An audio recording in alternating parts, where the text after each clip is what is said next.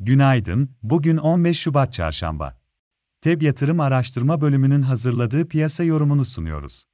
Kahramanmaraş merkezde olup ve ülkemizin büyük bir bölümünde hissedilen deprem dolayısıyla milletimize geçmiş olsun dileklerimizi iletiyor, hayatını kaybedenlere Allah'tan rahmet, yakınlarına başsağlığı diliyoruz. Amerika'da Ocak ayında enflasyon tüfe rakamları beklentilerin hafif üstünde geldi. Fed tarafındaki beklentilerde önemli bir değişiklik bulunmuyor. Fed'in 22 Mart'taki toplantısından 25 bas puanlık faiz artışı beklentisi sürüyor.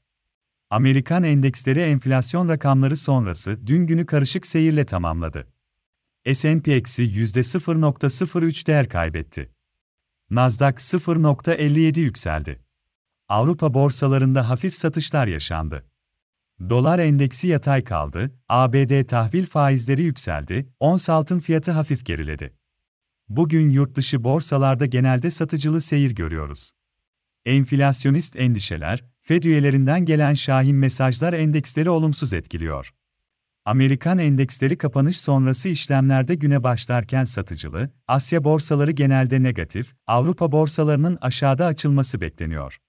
Amerika'da bugün Ocak ayına ilişkin perakende satışlar ve sanayi üretimi verileri açıklanacak. Avrupa tarafında ECB Başkanı Lagarde'ın Türkiye saati ile 17'de Avrupa Parlamentosu'nda konuşması bulunuyor. Borsa İstanbul tarafında işlemler bugün yeniden başlıyor. SPK ve Borsa İstanbul, depremin finansal piyasalar üzerindeki olumsuz etkisinin asgariye indirilebilmesi ve olası yatırımcı mağduriyetlerinin önüne geçilmesi için önemli düzenlemelere gitti. Teknik bazda BIST endeksinde bugün ilk destek olarak 4300 seviyesine bakılabilir. Diğer önemli desteklerimiz 4000 ve 3650, 200 günlük hareketli ortalama seviyelerinde bulunuyor. İlk direnç olarak ise 4700 seviyesi izlenebilir. Diğer önemli dirençler olarak 5000 ve 5170 seviyeleri takip edilebilir. Piyasaları değerlendirmeyi sürdüreceğiz. FEB yatırım olarak tekrar tüm Türkiye'ye geçmiş olsun dileriz.